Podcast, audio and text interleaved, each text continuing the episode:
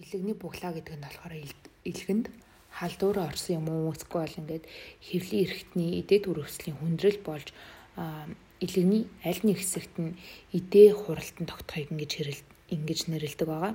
За тэгээд илэг рүү болохоор нян дамжих зам гэх юм бол үүдэн үенээр орж болно. За ингэхдээ болохоор мухар олгоо эдээ дөрөвсөл ходоодны шарах цоорох шамбармаар тэр орчмын венийн ингэж бүлэнтэж бүглэрөх зэргээс зэргээр ордог. За мөн цусны замаар орж болно. За хавтлын замаар орж болно. Хавтлын замаар орохдоо цусны эдэд өрөвсөл болон эцсний шархлаа ингээ илэг рүү илэг рүү задраад тэг буглуулж болно. За артерийн замаар мөн нэгдэж болно. Гэхдээ болохоор ясны эдэд өрөвсөл хүчил тентог арт идэг үед илгэнд ингээд хүрдэг. За илгэний буглааг болохоор анхдагч болон хоёр дахь гэж нэрлэл ангилдаг. За дагтагч буглагын дотор нь нянгийн болон шимэгч хорхон гэж ангилдаг.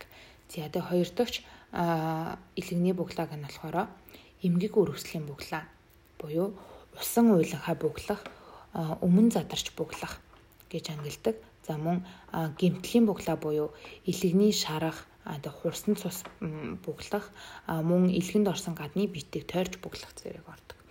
За тэгээд өвчтөн болохоор их халуурын жичрэн их хөлрөн за тэгээ олон буглаатай тохиолдолд болохоор халуун нь илүү өксдөг. За тэгээ гинэд буух зэрэг ингэж эрс өөрчлөгддөг.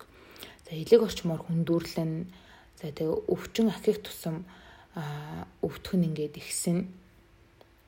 За тэгээ өвчтний биеийн байдал нь хэм бол хүнд царайн тэм цайвар шаргал болсон цээжний хэвлэх хэсгийн тэр хэсгийн булчин чангарч чангарч өвдөлт үүсгэсэн. Тэгээд элэг орчим ингээ баг зэрэг дараах тогшоход ингээд маш хүндүүртэй. Тэгээд лабораторийн шинжилгээнд бол цагаан эсийн тоо маш олон болсон. Мөн нейтрофил болон улаан эсийн тунаг хурд нь нэмэгдсэн байдаг. Тэгээд шинжилгээний хувьд гэх юм бол чанд авийн шинжилгээг ер нь бол хийдэг. За тэгээд засраг идэвхт бодисын шинжилгээг мөн хийдгээ